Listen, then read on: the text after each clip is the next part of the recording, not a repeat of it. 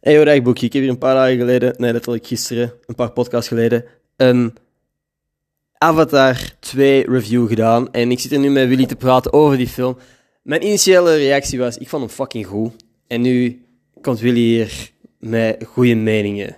En die meningen zijn iets minder positief over alles.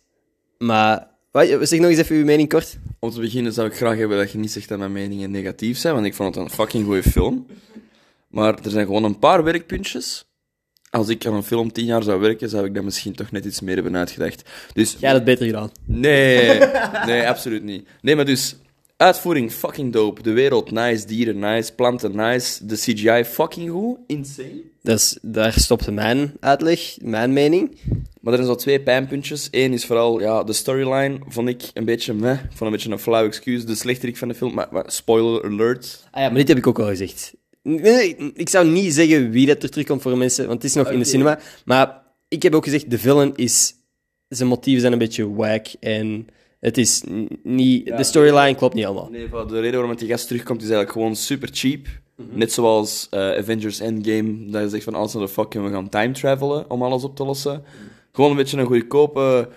Ja, een goedkoop motief of zo. Dat was één. En dan heb je ook één personage, Spider. Dat is dan een mens die daar leeft tussen de avatar-mannetjes. Tarzan, maar dan een beetje lame. Dat was, want Spider vond ik ook het minst relevante personage en die storyline was een beetje poepoe. Ja. Dus, dus eigenlijk onze mening komt overeen, maar uw punt over Spider was eigenlijk goed. Ja, dat is gewoon echt Disney Channel acteerprestaties en de reden waarom ze die hebben ingestoken was echt gewoon nog eens een cheap excuus voor, I don't know, een volgende film of zo. Ja, want dat gaat je pas snappen als je de film hebt gezien. Ja, ik had er nog niet op die manier over nagedacht. Ik, ik vond wel gewoon worldbuilding sick. Mm Is een film, is een ervaring, is fucking goed. Is echt oprecht een hele goede film. Ik ben er echt super blij mee. Ik was echt na de film gewoon van, damn, dit was een hele goede film. Maar er zijn zo'n paar dingen. Je moet de film kijken, niet voor de storyline, maar gewoon voor de wereld en voor wat dat technologie kan vandaag de dag. En dat is echt super goed gelukt. Akkoord. Ik zei trouwens dat uw mening negatiever is omdat jij gewoon heftigere woorden durft gebruiken dan ik. Ah, omdat ik niet vanille, vanille yoghurt ben. Ja, ik ben vanille yoghurt. En jij bent vanille yoghurt met, I don't know, curry ketchup en jalapeno of zo.